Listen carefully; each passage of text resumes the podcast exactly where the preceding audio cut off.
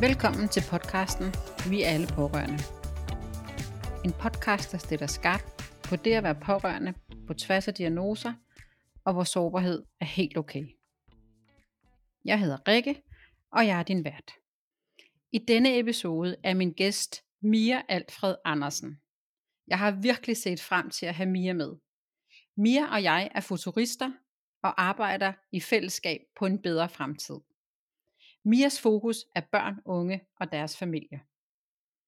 Mia er oprindeligt uddannet socialrådgiver og har i dag sin egen virksomhed, Mental Styrke, hvor hun er familiebehandler, underviser og foredragsholder. Et af hendes foredrag har titlen Hvad er du ked af, siden du er så vred? Og jeg elsker alt ved den titel. Jeg er også så heldig, at jeg har hørt foredraget, og kan varmt anbefale Mia.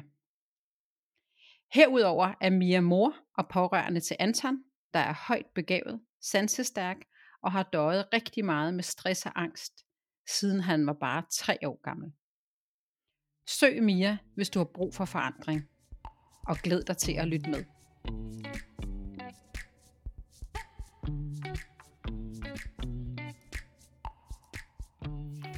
Velkommen Mia. Tak. Vil du ikke starte med at fortælle lidt om dig og det, du arbejder med? Det kan du tro, jeg gerne vil, Rikke. Jamen, jeg øh, hedder Mia, og jeg er, hvad er jeg, 46 år. Jeg har været uddannet socialrådgiver i 20 år. Jeg blev uddannet mm. i 2002. Og i de første 10 år af mit arbejdsliv, der arbejdede jeg henholdsvis i Kriminalforsorgen, i det, der hedder Kriminalforsorgen i Frihed, som mm. er dem, der arbejder med de betinget dømte, prøveløsladte og psykisk syge kriminelle. Okay. Øh, ja. Og sidenhen, der arbejdede jeg så nogle år med misbrugsbehandling øh, mm. i en privat institution, som arbejdede ud fra sådan en meget traumaterapeutisk vinkel, mm. hvor man ligesom ser det her med, at når vi mennesker bliver afhængige af stoffer, så er det en form for selvbeskyttelsesrespons. Vi prøver at dulme noget, der er enten nogle traumer eller nogle bekymringer om enten fortiden eller fremtiden. Mm i, ja, det har så været, det er 10 år siden, i 2012 valgte jeg at blive selvstændig. Og det var ud fra sådan en oplevelse og en erfaring med, at, øh, at have arbejdet rigtig meget med dem, hvor man kan sige, skaden er sket. Mm. Øh, mennesker, der har brug for egentlig behandling, øh, mange af dem i psykiatrien. Og hvor jeg sådan efter noget tid, øh, hvor jeg havde arbejdet med en metode, der hedder dialektisk adfærdsterapi, med mm. mennesker, mm. der har der har en personlighedsforstyrrelse, emotionelt ustabil personlighedsforstyrrelse, så tænkte jeg, okay, enten så er jeg selv emotionelt ustabil personlighedsforstyrret, eller også så er vi alle sammen emotionelt øh, mm. ustabile, når mm. vi bliver presset. Mm. Så, øh, så dengang der for, øh, for 10 år siden, der valgte jeg at sige, nu går jeg ud af, af det her øh, system med dem, der, der virkelig er øh, udsatte, både emotionelt og socialt, og arbejder mere forebyggende. Så der mm. øh, arbejdede jeg så i 5-6 år øh, primært med, med at, at, at lave mental styrketræning til de unge, der er, er røget ud af uddannelsessystemet. Altså jeg samarbejder med jobcentrene dengang. De sidste fem år har jeg bare været mig selv i min egen lille biks, der hedder Mental Styrke nu. Mm. Ja. Så det var den faglige del. Eller det var den, den faglige del, yeah. og den er jo ret vigtig. Det jeg også gerne vil, vil indskyde her, øh, som jo også tilhører den faglige del, inden vi lige kommer tilbage til, til hvad du også er, nemlig mor og mm. pårørende, mm. så er du jo også ekspert i pårørende klubben. Ja. Så det vil sige, at øh, den klub, som, som jeg øh, driver til hverdag, der har man faktisk mulighed for at kan skrive til en brevkasse, eller skrive inde i klubben, og er det er karakterer, hvor at du kan svare, så er mm. du med på den. Så det mm. er jeg jo rigtig, rigtig glad for, at du har tid og lyst til at være en del af. Helt sikkert. Men lige tilbage til, til dig og så ja, din familie, eller Anton i hvert fald. Der tænker jeg, det er et godt afsæt at, at gå videre herfra. Mm? Ja. Øh, jeg blev uddannet socialrådgiver i 2002, øh, og, og, og jeg er ikke bleg for at, at erkende, at, øh, at jeg, da jeg var yngre, var meget impulsstyret. Altså jeg havde faktisk svært ved at hæmme mine impulser. Mm. Øhm, så jeg havde det rigtig sjovt. Øh, hele min ungdom øh, festede jeg utrolig meget, og en af mine topstyrker er humor og social intelligens, så man kan sige, at og det kan vi jo komme utrolig langt med, og det kom jeg også utrolig langt med. Men, øh, men øh, jeg måtte jo også indse, at øh, efter at være blevet uddannet socialrådgiver, så var der nogle andre karakterstyrker, der skulle i spil, såsom mm. vedholdenhed og selvkontrol og sådan ting. Men i 2003 øh, valgte jeg at tage på Skanderborg Festival, mm. og øh, ni måneder efter fødte jeg Anton. Og der øh, skete jo selvfølgelig rigtig meget på de ni måneder øh, mellem Skanderborg Festivalen og jeg fødte Anton 13. maj 2004. Øh, men men øh, lytterne her kan jo gætte sig til, at øh, faren til Anton var ikke en, jeg havde kendt utrolig længe, mm. og, og faren til Anton var heller ikke en, jeg ligesom havde lavet en, øh, en plan med omkring det der med at skulle være forældre sammen. Mm. Øh, vi valgte at beholde Anton, gudskelov. Mm. Øh, ja, det var faktisk sådan, så en uge før, at jeg blev nakkefoldsscannet, der øh, havde vi øh, bredt arm rundt på min læge og sagt, at jeg skulle have en abort. Det var vi mm. enige om, hans far og jeg. Men, øh, og vi fik tiden til den her øh, abort. Jeg skulle hen og have på Frederiksberg Hospital. Men heldigvis kom Antons far på det tidspunkt og sagde, det kan vi simpelthen ikke mere. Mm. Vi må øh, beholde barnet, og så må vi gøre det så godt, som vi overhovedet kan. Mm. Så vi fik Anton, men øh, måtte også kaste håndklæde i ringen i forhold til vores forældreskab sammen, da mm. Anton var fire måneder. Så man kan sige, at Anton, øh, Anton har jo oplevet en skilsmisse på et tidspunkt i sit liv, som han ikke kan erindre sådan med sin, mm. sin tænkehjerne i hvert fald. Øh, mm. Men jeg har også en overbevisning i dag om, at hele hans autonome system, at hans alarmberedskab har i hvert fald været aktiveret ret tidligt mm. øh, for Anton i hans liv. Mm. Øhm, ja. Ja, fordi du fortæller jo også her, inden vi starter optagelsen, at Anton rent faktisk allerede fra han var tre år, øh, viser mm. både øh, tegn på, øh, på stress og angst. Og det er mm. jo, altså jeg tænker, det er en tidlig alder, så mm. jeg tænker jo, at du har ret i, at der, der kan være sket noget øh, mm. i det brud mellem forældrene. Ja. Altså jeg er ret sikker på, at øh, mm. øh, nu er jeg jo også inde i på området det her med anbragte børn, og mm. vi har mm. selv øh, Niklas, som jo er anbragt og øh, øh, fra fødslen.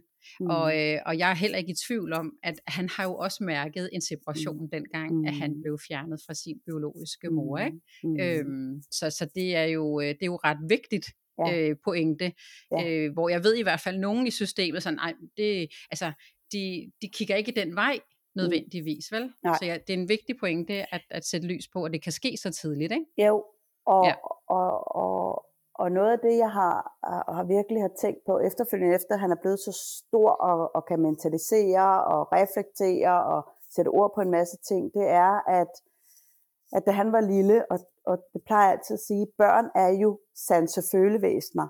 Mm. Før, og først faktisk fra 12 alderen, så begynder de at udvikle det der neokortex, så de også kan øh, tænke abstrakt og reflektere mm. og mentalisere sådan nogle ting. Men det jeg øh, jo oplevede meget, meget tidligt med Anton, det var, at han mærkede jo øh, nogle ting, som han mm. faktisk satte ord på allerede, da han kunne begynde at tale. Altså, ja. han var ikke særlig gammel, kan jeg huske, før, da, da, når jeg skulle aflevere ham nede i vuggestuen. Jeg havde jo mm. travlt med at skulle redde verden. Ikke? Jeg arbejdede mm. i kriminalforsorgen på det tidspunkt. Heldigvis deltid. Jeg har altid arbejdet deltid, øh, mm. og det er verdens bedste beslutning øh, for mig i forhold til arbejdsliv og familieliv på, det, på den måde, mm. i og med, at jeg blev enig. Men øh, jeg kan huske en gang, hvor at jeg kørte ned der på Fasangården, hvor han skulle afleveres, og så da jeg skal omkring bilen og tage ham ud af autostolen der mm. på bagsædet, så spørger han mig, hvorfor ser du altid så ked ud af det, når du går rundt om bilen? Og det, det fortæller mig jo i dag det her med, at jeg var jo god til at tage mig sammen. Det har jo altid været. Og det er jo også det, jeg tænker, at mange af lytterne herinde måske kan genkende som mm. pårørende, at vi tager os jo utrolig meget sammen for passe mm. vores børn, øh, være der for vores familier, passe vores mm. arbejde mm. øh, og så videre. Mm. Øhm, og det som, som Anton jo egentlig spurgte om, det var det her med, jamen hvordan kan det være, at når du ikke skal tage dig sammen, når du går mm. der i dine egne tanker, mm. at så mm. ser du faktisk rigtig trist ud. Wow. Øh, ja.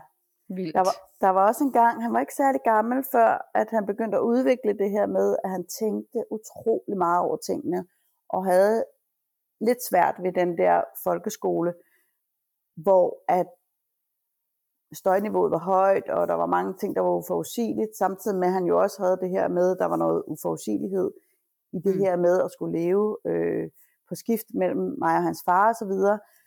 Øh, og der kan jeg huske, der var en gang, han sagde, at han lå i sengen, han havde søvnproblemer, da han var lille, altså virkelig big time søvnproblemer. Mm. Og der var en gang, hvor han sagde, da han skulle til at sove, han siger, det er ligesom om, når det bliver stille udenfor, så begynder alle tankerne. Og jeg har det som om, at jeg tænker så meget på alle andre, så jeg ikke kan tænke på mig selv.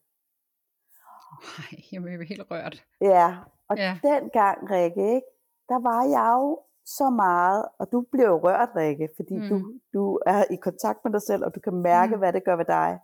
Mm. Men på det tidspunkt var jeg så meget på overarbejde, mm. så jeg var så meget i det der præfrontale cortex, altså i min tænkehjerne. Mm. Så jeg, dengang mærkede jeg jo slet ikke, hvad det gjorde ved mig, at han sagde sådan. Mm. Og i dag kan jeg jo tænke tilbage, Rikke, og, og tænke, altså, det var jo et, et totalt spejl af mig selv. Mm. Altså, jeg rendte jo rundt for at redde øh, verden, var jeg ved at sige, altså, mm. når jeg sådan karikerer det, mm. havde med de her kriminelle, øh, prøveløsladte, betinget dømte og, og psykisk syge kriminelle at gøre. Og det gjorde jeg jo rigtig godt. Mm. Yeah. Men var jeg også helt i stand til at være der for Anton, når jeg kom hjem, på den der, ikke bare, du får mad, du får søvn, du får at stige afsted, men du får også den nærhed, som der mm. er behov for, og de mødeøjeblikke, som alle børn har brug for, hvor de virkelig mærker, nu er min mor 100% mm. til stede, ikke bare i rummet, men mm. også i, øh, med, altså i kontakten med mig. Ja, ja. ja. Det var en vild øh, intro, denne her. Så ja, og jeg, jeg, jeg kan virkelig mærke den, og jeg bliver virkelig rørt, fordi jeg tænker, der er jo meget af det, du fortæller, som, som jeg jo også kan, kan ikke genkende til i mit eget arbejdsliv. Med, med, altså vi har jo øh, to andre øh, voksne børn i dag, og da de var små, der øh, var både min mand og jeg afsted afsted hver eneste morgen. Øh, på arbejde, og de var de første, der blev afleveret, og nogle gange så stod vi og ventede på, øh, at SFO'en blev åbnet, eller børnehaven blev åbnet, ikke? altså stod og trippede. Ikke?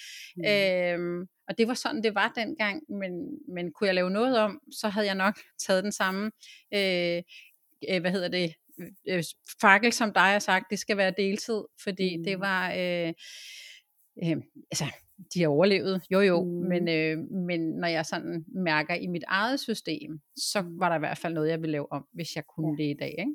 Ja, og det har du så ved at gøre i dag.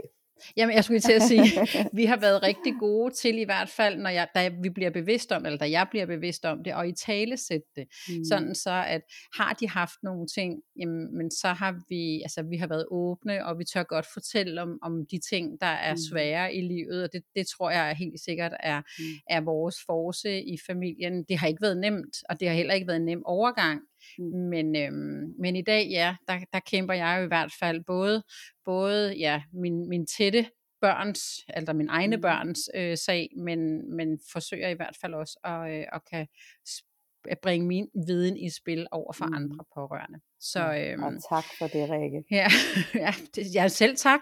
Du er jo en af dem, som øh, hele tiden bakker op og støtter, og det øh, kan jeg jo heller ikke leve uden. Altså det er jo vigtigt, at når man har en sag, man brænder for, at, øh, at der også er nogen derude, der, mm. der tænker og siger, det der er bare brug for. Ikke? Og vi er jo mm kan man sige, lidt i samme branche, og alligevel ikke, men du hører i hvert fald rigtig mange forældre og pårørende øh, har brug for noget hjælp, mm. så, øh, så det er vigtigt. Mm. Har du mere i forhold til intro, du gerne vil, øh, vil nævne, inden vi hopper Nej, videre? altså egentlig ikke, altså, øh, men jeg kan da godt øh, fortælle dig, Rikke, og det ved du, det kommer nok ikke som nogen overraskelse, men da jeg sådan for alvor faldt pladask for pårørende klubben. Mm. Det var fordi du, jeg ved ikke om du skriver det, eller om du siger det, eller det er en tagline, eller hvad, men, men det her med, vi er alle pårørende. Altså, mm. det, den, den, den, øh, den smagte virkelig så godt hos mig, fordi mm. det er essensen af, at jeg sidder her i dag. Det mm. er, at selvom jeg er fagprofessionel, så er jeg lige så meget pårørende, og, og jeg er begyndt at sige, når jeg er ude og holde foredrag, at hvis jeg skal vælge imellem, om jeg er mor til Anton, der har lidt rigtig meget angst, og virkelig har haft på mange måder øh, et kaotisk, øh, øh, en, en kaotisk opvækst på mange måder. Mm. Øhm, hvis jeg skal vælge mellem at stå frem med det, mm. øh, særligt nu hvor Anton har sagt, du går bare ud med det, hvis mm. det kan hjælpe nogle andre, så er der ikke noget, du ikke må sige. Mm. Øhm, hvis jeg kan vælge mellem den funktion, om man så må sige, og så den her mere fagprofessionelle, hvor jeg kan sige, så har jeg læst kognitiv terapi, og så har jeg læst neuroaffektiv psykologi og sådan ting, mm. jamen så bliver det altså den første. Mm. Øhm, og det, det, det har pårørende klubben og du altså virkelig været med til at sætte skub under, at vi kan ikke pakke os derhjemme bag vores mm. egne ligusterhække, hvis vi mm. vil skabe en bæredygtig og langsigtet forandring for et mere børnevenligt samfund, som er det, jeg mm virkelig står op og kæmper for hver dag. Ja. Og du har jo fuldstændig ret. Og, og det får mig lige til at tænke på dit, uh, dit foredrag, som jeg jo har været så heldig at, at lytte til, uh, og som jeg også lige fortæller lidt om i, uh, i introen, at, uh, at altså den her med, at altså, hvad er du ked af, siden du er så vred? Mm. Og der er så mange, altså, der, altså den, den, den resonerer sindssygt meget i mig, både når, når jeg uh, sådan tænker min, min egen historie, og, og som mig selv helt personligt, altså det her med, når jeg mm. har været ked af det, eller når jeg har været vred, altså den her twist imellem mm. de her to mm. ting. Hvad er det så, der sker? Øhm, og det der også får mig til at tænke på, når du siger det først, så bliver jeg jo igen rørt, fordi jeg er jo simpelthen så hammerne taknemmelig for, at, at jeg også har været med til at, øh, at støtte dig i din mm. proces. Øhm, så er vi alle pårørende jo et. Øh, det, er jo, det er jo navnet på podcasten, mm. men det er jo også det, Altså hvis ikke vi er det lige nu, så bliver vi det på et tidspunkt. Så mm. derfor er det også rigtig vigtigt, at vi får alle vinkler med. Mm. Øh, og det, at du har valgt at tage den, den første del på, altså din mor og pårørende del, mm. det gør jo også, at, at du er i mine øjne mere troværdig og mere ærlig, når du så stiller dig frem som fagprofessionel. Mm. mm. At du tør fortælle din historie, at du er modig og sårbar. Altså, det, er, øh, så det kan jeg selv se med, med mit eget arbejde, når jeg øh, afholder foredrag, og jeg starter med at fortælle historien om, hvordan og hvornår jeg øh, mm. så mig selv som pårørende første mm. gang så øh, er det det, der giver resonans ude blandt, øh, blandt gæsterne, der lytter med. Ikke? Mm. mm. Øhm, så, øh, så det er jeg rigtig glad for, at, øh, at du lige havde mm. den krølle med os. Så tusind tak for den. ja, tak, Rikke. Mm? Og jeg kan da lige afsløre øh, titlen på mit foredrag, hvor den er kommet fra. For jeg har jo ja. rent faktisk fået et spørgsmål engang af en ja. psykolog, der spurgte mig direkte, hvad er du ja. ked af, siden du er så vred? Mm. Og det er, øh, er, jeg siger altid, at han er min gode psykolog, fordi selvom jeg ikke går hos ham øh, længere, så er det en, jeg altid vil vende tilbage til, hvis jeg får mm. brug for at komme ind og, og blive øh, justeret og få sådan et mm. menneskeligt gennemsyn. Ikke? Mm. Øhm, Willy Hansen inde i Havnegade. Og grunden til, at jeg faktisk havnede inde hos ham, Rikke, det var fordi, at øh, da jeg så kom tilbage fra min barsel, kriminalforsorgen der, øh, der blev jeg udsat for en trussel der var en af, af, af de unge der øh, ledere ude i Tørstrup Gård, der, der havde det med at dels lave kriminalitet, men også at true vidner. Og så øh, mm. synes han også, at han skulle true den her øh, unge øh, tilsynsførende i Kriminalforsorgen, og det øh, stoppede sådan set ikke. Det gør det jo ellers rigtig tit, når de her mm. personlighedsforstyrrede mennesker truer andre, så kan de oftest øh, højst være øh, rigtig vrede og, og på en af gangen. Men her, mm. der, der fortsatte det altså også, selvom han sad inde på politigården og havde besøg til brevkontrol. Så altså rigtig tit, når han havde besøg derinde, så måtte politiet stoppe de her besøg, fordi han begyndte at snakke om alt det, han skulle gøre ved mig, når han blev løsladt.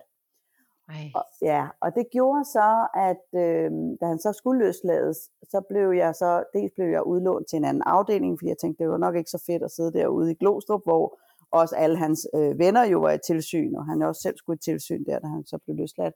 Så der blev jeg udlånt til en anden afdeling. Men jeg begyndte også selv på det tidspunkt at få nogle, øh, sådan nogle panikanfald om aftenen, Øh, når, jeg var faldet i søvn, så kunne jeg vågne op sådan fuldstændig panisk, fordi jeg øh, oplevede, at han øh, måske stod i min lejlighed eller andet. Der var, der var mm. noget, der, der mindede så, så voldsomt om panik, øh, angst, så at jeg gennem sundhedsordningen kom ind til Ville Hansen. Og efter han havde fjernet det der panikangst, og det gjorde han faktisk via hypnose, fordi han sagde, Mia, det, du er jo meget oppe i dit hoved, det kan jeg jo høre. Du reflekterer rigtig godt, du, du analyserer godt, du, du, du har en masse gode kognitive problemløsningsstrategier.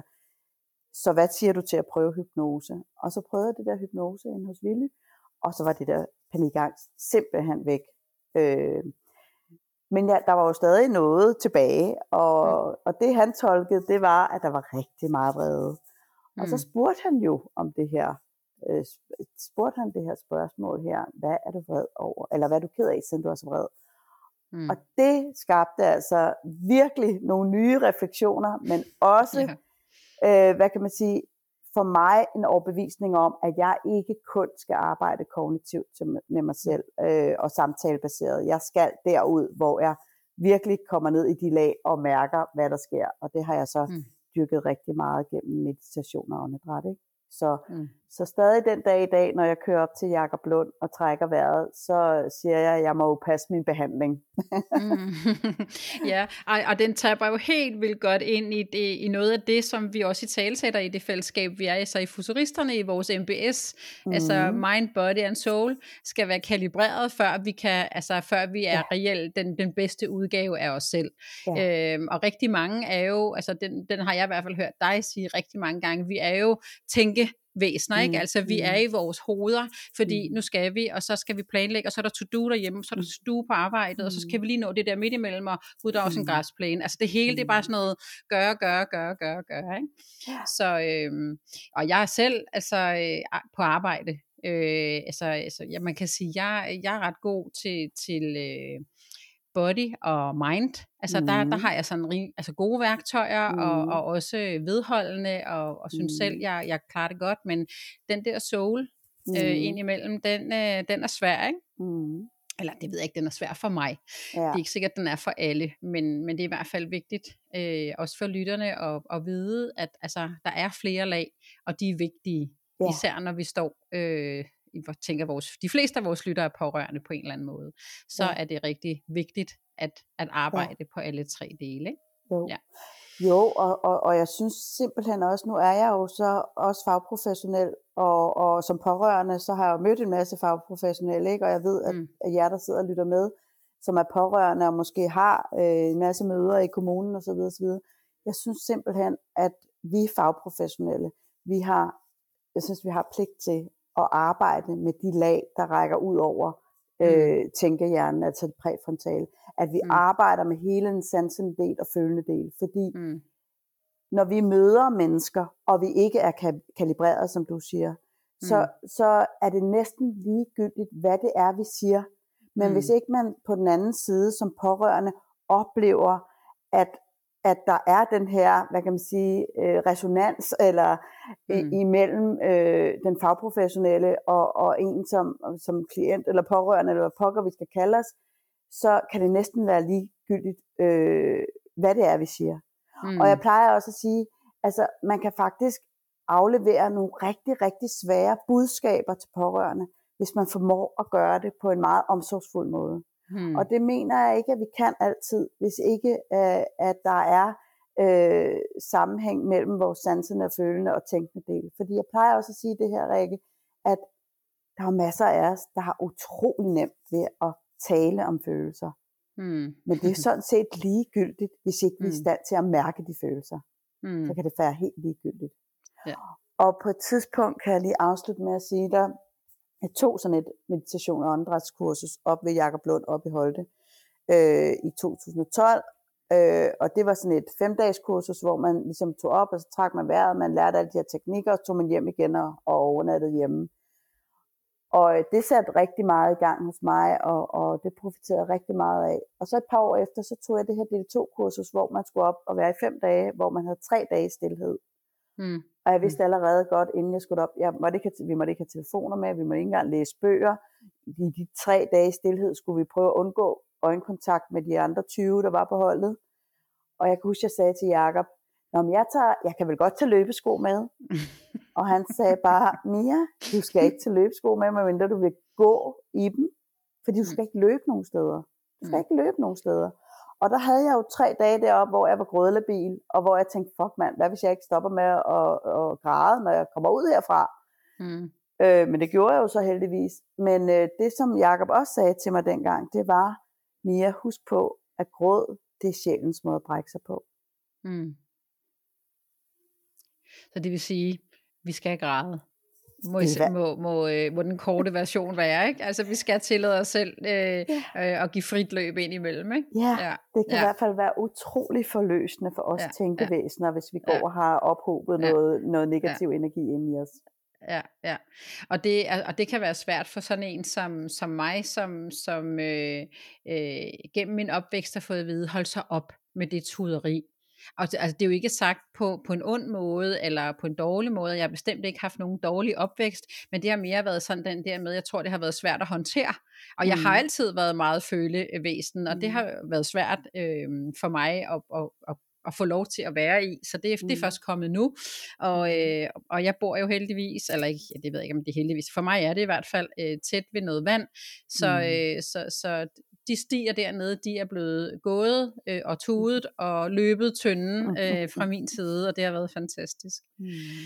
Jeg bider lige lidt mærke i øh, noget af det, du siger i forhold til de fagprofessionelle nu nævner du kommuner, det kunne lige så godt være i sundhedsvæsenet. Mm. Øhm, altså den her med, at, altså, at de også skal være kalibreret, eller have, mm. have styr på sig selv, for at kan møde øh, et andet menneske, pårørende eller de ramte, øh, på en ordentlig måde. Mm. Øhm, og, det, og det i tale sætter jeg jo også. Jeg er helt sikker på, at de gange jeg er stødt på mennesker i systemet, som ikke har været øh, hensigtsmæssige over for mig, så har det, altså, så har, har det taget udgangspunkt i noget andet i deres mm. liv. Jeg er helt sikker på, at du sammen med dine kollegaer som socialrådgiver har taget den her uddannelse for at ville mm. øh, mennesker det bedste, mm. altså for at rådgive og gøre noget godt for de mennesker, I nu har i jeres hænder.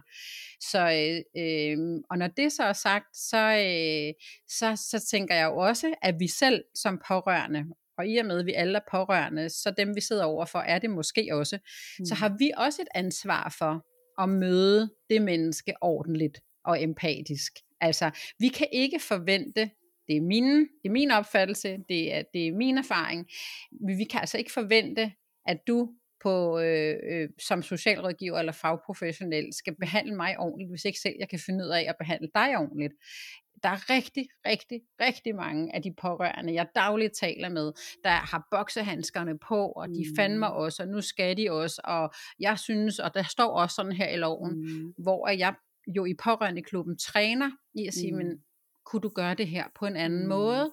Mm. Altså kunne du, kunne, du, øh, kunne du træne dig selv i at være i balance, sådan så du møder Mia og hendes kollegaer mm. ordentligt? Mm. Og det får, altså, og det er svært, fordi mm. der er kampe derude, der er uretfærdige, og det vender jeg lige tilbage til, for der ved jeg i hvert fald også, du har nogle, nogle, øh, nogle eksempler på det. Mm. Men, men, men jeg tror på, at vi, når vi gerne vil en bedre fremtid for mm. de her mm. mennesker, som vi hver mm. især brænder for, mm. så skal vi træne både den ene og den anden side. Altså mm. vi er også nødt til selv at tage ansvar for en bedre mm. fremtid. Yeah. For os selv øh, og, de, og vores familier, ikke? Ja. Jo, og jeg er så glad for, at du siger det, Rikke, fordi det nemmeste i verden, det er jo at blive vred øh, og afvisende, eller flygte mm. og trække dynen op over hovedet, ikke? Mm. Øh, men det kan vi jo ikke som pårørende, og det skal mm. vi heller ikke som pårørende. Mm. Men, men i øjeblikket, hvor der jo er meget fokus på, der er jo to dygtige, dygtige psykologer, der turnerer meget rundt i øjeblikket, der det Birkemose med den her fantastiske bog med titlen, yeah. Når gode mennesker handler ondt. Mm. Den synes jeg jo er så fint, fordi det er jo netop gode mennesker, der kommer ind i system, og som mm. du siger, vi har alle taget den her uddannelse, fordi vi gerne vil øh, arbejde helhedsorienteret og mm. tage nogle gode, konkrete beslutninger i hver øh, sag og hver familie, øh, vi møder. Ikke? Mm. Øhm, og så er der så på den anden side Rikke Høsted, som taler rigtig meget om det her underinvolvering eller overinvolvering. Mm. Og vi ved jo, det kan vi jo også, hvis vi virkelig kigger på os selv, om vi er fagprofessionelle, eller vi er pårørende, eller vi er begge dele. Det er vi jo nok. Øhm, og kigger på vores egen mentaliseringsevne. Altså det her med at se mig selv udefra, og den fagprofessionelle indefra, mm. når jeg sidder i det her svære møde. Mm. Hvordan, altså, vi ved jo, at når vi er stresset, eller når vi er presset, eller når, er, når der er noget følelsesmæssigt på spil, mm. så daler vores mentaliseringsevne. Mm. Men vi ved også, at når vi får gjort de der ting, som du beskriver, der ligesom kalibrerer dit sanseapparat mm. og dit limbiske system, at så er du meget bedre i stand til, at selvom der er meget på spil, at møde den fagprofessionelle på en måde, hvor du ser dig selv udefra, og den, og den fagprofessionelle indenfra. Mm. Og der vil jeg jo sige, så vinder vi jo. Så vinder vi jo begge steder. Fordi Præcis. vi kommer også meget bedre afsted med vores budskaber på en måde, mm. så det rent faktisk lander hos øh, sagsbehandleren. Ikke bare tænkende og kognitivt, mm. men måske mærker den her fagprofessionelle også, her er noget på spil, og får en mm. følelse af, det vil jeg rigtig, rigtig gerne gøre noget ved for det her mm. barn og den her familie. Jamen det er jo det, og det er jo også, altså det der også er vigtigt for mig, når jeg i tale sætter det, så det er jo ikke fordi, at, at det skal være dem og os, eller de andre pårørende og mig, altså det her med at, at, at, at i tale sætte skældet, der er det mere øh, det her med at, at, at finde ud af, jeg, altså et af, i de tidligere øh, episoder har jeg Bettina No med, som laver tillidsbaserede aftaler, og meget af det hun siger, har jeg egentlig tænkt videre i, øh, i forhold til det jeg arbejder med, og det er det her, hvad er det der binder os sammen? Ja. Når jeg går ind til et møde, hvad er det så, der binder os sammen? Det skal den fagprofessionelle selvfølgelig også trænes i, og, øh, og, og, og det er så, øh, øh, hvad hedder den ramte af en eller anden årsag. Det kan være en af mine drenge, det kan være dig og Anton, men det, der binder os sammen, det er den ramte, det er den syge, det er det menneske, der mm. har en diagnose. Så, mm. så vi sidder som pårørende, og de sidder som fagprofessionelle, og jeg tror simpelthen ikke på, at, at der, der er nogen rundt om et bord, når man sidder og har, altså det her binder os sammen, så vil de fleste gerne have en løsning, inden man mm. går ud af mm. døren, mm. uanset hvad det er, vi mm. taler om.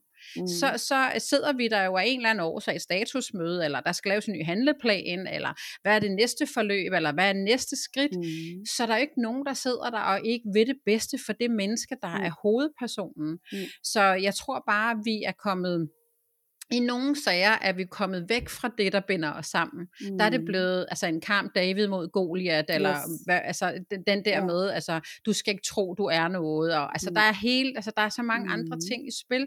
Så hvis nu vi kunne komme tilbage til det helt simple i virkeligheden, hvad fanden er det, der binder os sammen? Ja. Hvad er det, vi skal have ud af det her møde? Ja. Så jeg tænker, altså hvis man har det som, som det ene punkt, og det andet punkt, hvordan kan vi alle sammen gå styrket fra det her møde? Præcis. Øh, det vil, altså, så ja. havde vi vundet noget. Ikke? Øh, det taler jeg faktisk med Mikkel Gudsø om i, i en, en podcast også, øh, en tidligere podcast også. Så, øh, så hvad hedder det, øh, så, så jeg tænker, at, at øh, der skal ikke særlig meget til, og det kommer ikke engang til at koste noget, på, altså det kommer ikke til at koste kroner og øre. Ja. Faktisk, så hvis vi træner det her, så vil det være en, altså en, en gevinst, både menneskeligt og økonomisk for alle. Ja, ja.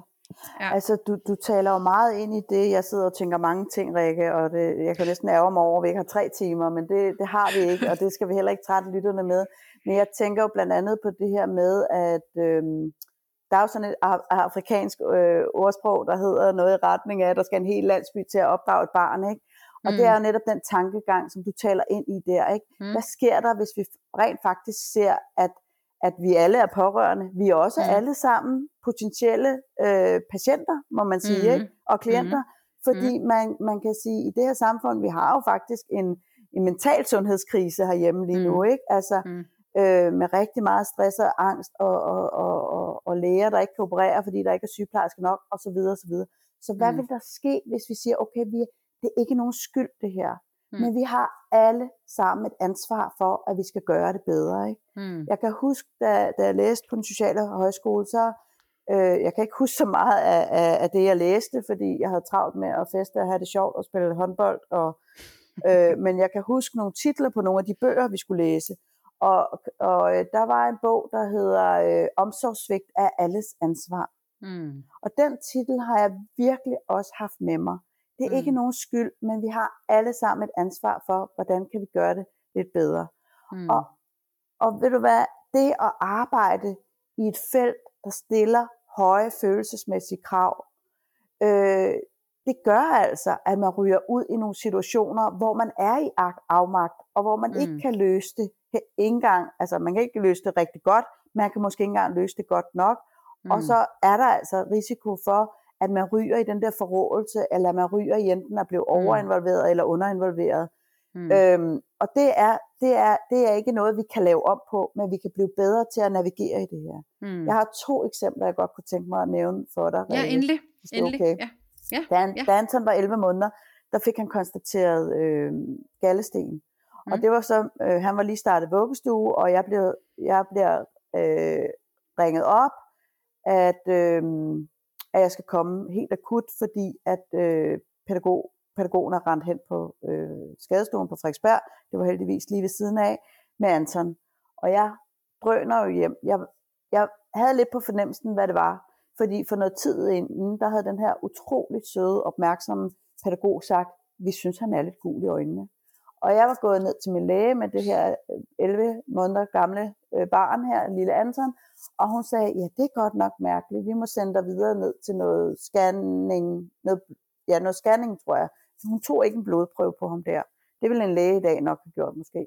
Men ja, han blev sendt ned til en scanning øh, privat ned på Frederiksberg, og de scannede den her lille dreng her, og de sagde, det er simpelthen for mærkeligt det her. Der er simpelthen en sten øh, inde i hans galleblære, og du skal gå tilbage til din læge. Vi har aldrig set det her før. Du skal gå tilbage til din læge og finde ud af, hvad skal der ske nu. Jeg gik tilbage til, til min læge og øh, sagde, og, og hun hedkaldte de andre læger der og sagde, nej, se en gang og 11 måneder og en galdesten, og er det ikke utroligt? Ja, og du griner ikke, og det er faktisk Jamen, det... tragisk komisk, tragisk, fordi ja at det hun skulle have gjort dengang, det var, han skal ind på et hospital, fordi mm-hmm. at mhm. du skal ikke blive sendt hjem med det her lille barn her øh, med en gallesten. Men det gjorde hun jo i bedste mening. Mm. Hun sendte os hjem, og jeg var sådan lidt en gallesten, og jeg kan huske, det var op til en påskeferie, og hun sagde, jamen jeg, jeg vi skriver til, vi henviser dig ja, til Rigshospitalet, men du skal nok ikke forvente at høre noget fra Rigshospitalet øh, før efter påskeferien. Og det skal der lige love for, at øh, jeg heller ikke øh, gjorde, fordi at øh, de hørte jo så fra os, eller fra lille Anton, fordi han nåede at få et galdestensanfald, oh. inden det blev påskeferie. Og den her pædagog, der stod, stakkels pædagog, som ja. faktisk blev sygemeldt efterfølgende, hun troede jo simpelthen, hun stod med en 11, 11 måneder øh, gammel dreng, der var ved at dø. Hmm. Og der blev vi så indlagt på Rigshospitalet, og var jo igennem en masse ting, og det ene og det andet. Og på det der døgn der, hvor han blev undersøgt, og, og de sugede ham, og de øh, scannede ham, og de gjorde alt muligt, og endelig var han faldet i søvn om, om natten der, eller om aftenen, og jeg var helt udmast. Hmm. Antons far var i New York, og det var ligesom mig, der var på der, mine forældre støttede selvfølgelig rigtig meget op, men så kom de og vækkede mig, og det glemmer jeg aldrig, og sagde, vi er nødt til at vække Anton, fordi han skal have lagt drop, Hans infektionstal, de er simpelthen så høje, så det kan vi ikke vente på til i morgen. Og så kom der en læge og skulle lægge det der drop på ham, og det kunne han ikke. Og han kæmpede, og han kæmpede, og han kæmpede, og jeg sad og skulle holde Anton fast. Der stod tre sygeplejersker rundt om, og han sagde, hold nu fast, hold nu fast, sagde den der læge. Og Anton skreg, mm. og jeg holdt jo fast så godt jeg kunne. Og da han langt om længe havde fået lagt et drop, så gik han fra stuen, Rikke, og så sagde han, det her, det kommer til at følge den dreng resten af livet. Og det sagde han ordret. Og det sagde han jo, kan jeg jo godt se, i afmagt. Mm. Sygeplejerskerne kom ind til mig efterfølgende og sagde, hvis du vil klage over det her, vil vi gerne bakke dig op, fordi det var ikke i orden. Mm. Men det havde jeg slet ikke overskud til Rikke. Og jeg er sikker på, at rigtig mange af de pårørende, der måske lytter med nu, har måske også oplevet noget, man kunne klage over. Jamen, mm. hvad, vil, hvad, hvad vil det hjælpe i virkeligheden? Det vil ikke mm. hjælpe Anton. Det vil mm. overhovedet. Det, der kunne have hjulpet mig, og som senere hen ville kunne have hjulpet Anton, det var, hvis den læge var kommet op til mig dagen efter og sagt, det er jeg rigtig ked af det her. Jeg er mm. rigtig ked af, at jeg ikke kunne ramme den år der, blodår. Mm. Og jeg kan ikke lave det om, men jeg vil bare sige, det er jeg rigtig, rigtig ked af. Det havde mm. ville kunne hjælpe mig rigtig, rigtig meget. Mm. Øh, samtidig ville det også have hjulpet mig rigtig meget, hvis hans klasselærer fra 1. til 5. klasse ikke havde kaldt ham uempatisk, havde kaldt ham politibetjent, hvis han havde sat sig ned rundt om bordet sammen med mig og sagt, okay, der er en adfærds Anton, der ikke er rigtig bæredygtig for klassen. Mm. Fordi han vil rigtig gerne øh, rette mig, hvis jeg siger noget, han ikke synes er rigtigt. Og hvis ikke der er retfærdighed i klassen, vil han også rigtig gerne øh, sikre, at der er retfærdighed. Og han har rigtig mange spørgsmål til alt, hvad vi ligesom har oppe. Hvis han ikke kaldte det politibetjent, hvis han har kaldt det noget andet. Der var på mm. et tidspunkt, jeg var simpelthen så, jeg var så magtesløs, og jeg ville så gerne med min pleaser-adfærd have, at skolelæreren ikke synes, der var noget galt med ham. Jeg ville selvfølgelig også rigtig gerne have, at Anton ikke følte, der var noget galt med ham, men han var trods alt bare et lille barn, ikke? der mm. prøvede at navigere i det der øh, folkeskolesystem. Ikke? Der var på et tidspunkt, kan jeg huske, hvor jeg sendte en mail til læreren, hvor jeg CC'ede skolelederen, som ikke er leder dernede mere. Og så fik jeg simpelthen, og jeg prøvede at være samarbejdsvillig, jeg fik en mail retur fra lederen, som skrev, det var illoyalt af mig at sætte ham på som lederen, når jeg skrev til klasselæreren. Ja, den lader vi lige stå lidt, ikke Rikke? Ja, jo. Og det er sådan noget, vi skal til livs. Og det er ja, derfor, jeg sidder med i ja. den her podcast. Det er ikke ja. nogen skyld, og vi er ikke mm. illoyale, når vi prøver at samarbejde. Vi prøver mm. faktisk bare at beskytte de her sanse følevæsener, som vores børn mm. er, og mm. prøve at samarbejde hele vejen rundt for at sige, mm. hvordan finder vi den bedste løsning i nogle vilkår, som ikke er særlig gode lige nu. Mm. Jamen altså, for fanden, Mia, altså nu har, nu har du jo været rundt med, med de der cases, som vi, vi talte om tidligere, og, og de rører jo mig helt vildt, fordi jeg kunne jo så på bagkanten af det her komme med lige så mange øh, øh, eksempler fra, fra min, mine egne børn. Øh, øh, også nogle, hvor, hvor det ikke har været, altså sådan, fordi de var øh, havde diagnoser, eller fordi de var udfordret, men bare fordi det netop har været sådan, at, at øh, fordi man har en eller anden øh, adfærd, eller fordi man er en eller anden bestemt type, eller ikke passer ind øh, i en ramme, så skal man kaldes alt muligt. Øh, en, en, altså modsætningen til den, der kommer bare lige til at tænke på vores ældste Rasmus, øh, altid været sådan stille og rolig, og alles ven, og han var rigtig god til at tale med alle. Han øh, er formentlig introvert, det er jeg ret sikker på, så han, han, altså, han, han havde, altså, stod også godt i sig selv, altså i hans skoleår og sådan.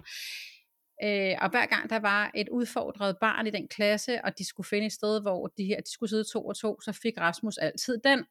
Mm. Altså du ved, den der, du, du kan være med til ligesom at, at, at at, at lave et niveau eller sådan her, ikke? hvor jeg bare tænker sådan efterfølgende, og også i tale sat det den gang, næste gang I skal øh, altså vælge, hvem der skal sidde ved siden af hvem, så, så kunne jeg godt tænke mig, at I spurgte, hvem Rasmus havde lyst til at sidde ved siden af. Mm. Altså, hvor, man, altså, hvor der måske var noget connection, i stedet for at man bare tog, fordi han var rolig, og så den mm. urolig, og så havde man et match, ikke?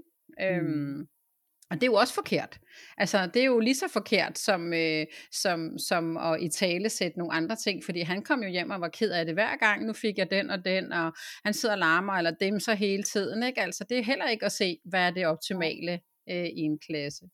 Men, jeg, kan øhm, for, jeg kan fortælle dig, Rikke, at lige i øjeblikket så sidder jeg med rigtig mange øh, samtaler med unge, der går i gymnasiet. Mm. Øh, og jeg var simpelthen, jeg var, jeg var altså virkelig ved at falde på røven forleden dag, da der var en, der fortalte mig, at i 2G, hvor hun går i idræt, hvor hun føler sig rigtig meget på udebane, fordi hun føler sig ikke god mm. i idræt, og er slet ikke god til boldspil, og har faktisk slet ikke lyst, men det er jo en del af det at have idræt, at der øh, kører de øh, første anden, anden vælger. Altså, det var Ej. jo sådan noget, jeg kan huske, bare fra ja. jeg gik i folkeskole, det var ja. gud mange år siden, de ja. der første anden vælger. Nu var jeg så heldig, så jeg var god til sport, og jeg kunne løbe rigtig hurtigt. Ikke? Mm. Øhm, så jeg blev altid valgt som en af, af de første. Men altså, jeg kan da stadig huske den dag i dag, hvem det var, der altid stod, og, og, mm. og, og dem, der ikke var blevet valgt. Mm. Og ved du hvad, Rikke? Jeg troede simpelthen ikke, at det eksisterede mere. Mm. Og der må jeg også bare sige, de idrætslærere på ungdomsuddannelserne eller i folkeskolen, der skulle kunne finde på at dele hold på den måde, de er jo ikke onde mennesker, men mm. de handler altså utrolig ondt. Mm. Hvis bare man ved lidt om, hvad det er, der opbygger selvværd og selvtillid mm. hos os mm. mennesker, mm. så ved man, at step 1, det er simpelthen, du laver selvfølgelig ikke første anden vælger, vel? Mm. Ligesom at man ikke siger, jamen fordi vi har en, en, en, en rolig elev, der måske er, er god til at holde styr på klassekammeraterne, så det er ikke nødvendigvis ham, vi skal sætte sammen med de urolige. Mm. Det er øh, temmelig øh, kontraindiceret på en eller anden måde. Ikke? Jo. Det er i hvert fald ikke øh, den retning, jeg kunne tænke mig i fremtiden, og heller ikke det, som vi lige har talt om med, at altså, hvad er det, der binder os sammen, hvordan skaber vi balance og alle de her ting. Øh, vi har været rundt om rigtig, rigtig mange øh, sindssygt gode ting, og som du også sagde tidligere, at vi kunne køre videre i tre timer, og det kan være, og det tror jeg øh, bliver relevant, at vi skal vi skal lave en episode igen, hvor vi følger op på nogle ting. Men øh, jeg er nået til et spørgsmål, som jeg stiller øh, rigtig mange øh, af mine gæster, og i hvert fald dem, der er fagprofessionelle og pårørende selv. Øhm, og nu tænker jeg, at du er stormester i denne her, fordi du også er fremtidsmenneske og kan kigge lidt ind i, hvad der sker. Så hvad tænker du, at øh, vi kan gøre for, at de pårørende bliver inddraget på en bedre måde i fremtiden? Og her tænker jeg egentlig, jeg kalder det sådan vores sundhedssamfund, og, mm. og der, mm. det er sådan sundhedsvæsenet og socialområdet øh, lagt sammen. Så, så, mm. hvad, øh, så hvad tænker du øh, egentlig både, når du har pårørende kasketten på, men også som fagprofessionel. Hvad, hvad kan vi gøre for, at, at, øh, at vi lykkes derude? Mm. Altså vi kan starte med at, at nedbryde den dem og os kultur, der, der mm. kan opstå. Ja. Og, og, så, og vi, kan, vi kan jo starte med, øh, som jeg også indled, indledningsvis sagde, at, at sige, vi er alle pårørende, mm. og vi er alle potentielle klienter og patienter. Så, mm. så, og jeg plejer at sige det her med, vi mennesker, vi ligner hinanden mere, end vi er forskellige. Mm. Så nu, når, når nu vi bare møder hinanden, så i stedet for at møde hinanden hjerne til hjerne, så mm. prøve mm. at møde hinanden hjerte til hjerte. Mm. Samtidig med, at vi selvfølgelig holder hovedet koldt, hjertet mm. varmt og begge ben på jorden, ikke? Mm. så tror jeg, at vi vil nå rigtig, rigtig langt. Ja. ja. Og det er jo, altså, det er jo, i, altså i virkeligheden er det jo ret simpelt, og det ja. behøver heller ikke at være skide kompliceret at, og, øh, at indgå i de her relationer, som kan være svære. Og, og nogle gange så skal vi jo også have nogle, nogle, øh, nogle svære, eller nogle, altså nogle ting at vide som pårørende fra de fagprofessionelle, som mm. er svære at levere. Men mm. hvis vi også som pårørende, øh, igen som jeg også sagde, altså tager ansvar for vores eget øh, og, og gå ind i det åbent hjerte mm. til hjerte. Altså mm. simpelthen er åben på og, og, øh, øh, og, og lytte på, hvad der er, vi skal have at vide, hvad er det for en besked, vi skal høre. Ja. Så, øh, så kommer vi langt. Det er der ingen tvivl om. En anden så lille ting, jeg lige vil ja. sige her på mm. falderæbet, Rikke, det er det, ja. at vi skal være langt bedre til at kigge bag om adfærden. Altså mit logo, det er jo sådan med adfærden op over vandoverfladen, så nedenunder, ja. så har vi tankerne, følelserne og hele vores sanseapparat. Ikke? Hmm. Og det, der sker i dag, det er, at vi render rundt og dømmer hinanden på adfærden. Ja. Og vi skal, vi skal simpelthen vi skal være meget bedre til at kigge nysgerrigt ind på den her adfærd og sige, hvad kan der ligge nedenunder adfærden af tanker og følelser og, mm. og sanser, som gør, at vi har den her adfærd. Ikke? Ja. Øh, og for sådan lige afslutte med at sige, altså min vrede, den skal kvæles med kærlighed. Mm. Og det er ikke nemt, fordi mm. at min vrede, ved jeg, er en selvbeskyttelsesrespons. Så når jeg bliver mm. rigtig vred, så ved jeg godt med mit hoved, at det er en eller anden selvbeskyttelse, fordi jeg er ked af det. Og hvad er det, vi rigtig tit kan øh, behandle ked af det med? Det er jo kærlighed. Mm. Ja, et kram og ja. omsorg og ja. kærlighed. Det vil, ja. det, er, det, det er, at jeg kommer sådan, sådan lige til at tænke på, øhm, at, at altså det er jo et, et råd, og det er jo en, en måde at se det et andet menneske på, som jeg tror faktisk det er dig, der også har sagt det tidligere, altså, altså det er større end en selv, altså kærlighed mm. er jo også større end en selv, så hvis vi starter med at have kærlighed til os selv, så er vi jo også meget bedre til at give mm. det til, altså du og jeg kan ja. give det til hinanden, og ja. vi kan give det til verden, altså det, ja. det bliver, Jamen det er større end en selv, jeg tør, altså, ja. og, og det bliver på en eller anden måde mere legitimt også øh, ja. at udvise det, når man ja. sidder i de her lidt sårbare situationer. Ikke? Jo. Så. Og, jeg, og, og i det ligger der jo også, at vi kan jo ikke give noget, vi ikke selv har. Nej. Så jeg kan ikke give noget til Anton, og det kan vi lave et helt afsnit om. Jeg kan jo ikke give noget til Anton, jeg ikke selv har. Mm. Så, og da han var lille, havde jeg ikke super meget ro på mit eget nervesystem. Og mm. på den måde kan man sige, der er måske også en sammenhæng mellem hans stress- og angstniveau og så min, og min uro i mit nervesystem. Mm. Ja. Og det samme, når, når vi sidder som fagprofessionelle. Jeg kan ikke Mm. give noget til den klient, jeg sidder overfor, eller den borger, eller øh, hvad pokker vi kalder os efterhånden. Jeg har ikke et Mm. problem med ordet klient. Men, øhm, men vi kan ikke give noget, vi ikke selv har. Så Mm. mm. vi, hvis vi styrter afsted på arbejde og er fortravlet, og vi har en dum chef, og ressourcerne er, er knappe, og det ene og det andet, så er jeg næsten nødt til at underinvolvere mig, for ikke selv at dejse totalt om kul. Ikke? For at vælte, For- ja. Ja, Ja, ja. ja. Så, øh, så vi skal i den grad ud og møde hinanden med, som hele mennesker, som dem vi Mm. er, og Mm. ikke øh, at øh, dømme hinanden så meget, som vi desværre kommer til, når vi føler os magtesløse. Det gør vi i hvert fald indimellem, og, og, øh, og det kan vi træne. Så det skal vi træne. Så Ja. nu har du godt nok sagt en masse rigtig, rigtig gode ting, øh, men har du igen her på falderæbet et, altså et godt råd til vores lytter, noget vi kan sende øh, det, altså afsted til vores lytter her, inden vi slutter helt af? Jeg har jo 20 øh, stjålet med charme og ben, øh, Brené Browns, øh, hvad kan man sige, tilgang. Hun siger, at øh, mod findes ikke uden sårbarhed. Så hvis vi tør at være sårbare over for hinanden, så, øh, så når vi meget længere. Så, så, og, og, og den sårbarhed, man oplever som forældre, for eksempel til et barn, der mistrives, eller en, øh, på anden vis som pårørende, den sårbarhed, den er jo så kæmpe, kæmpe stor.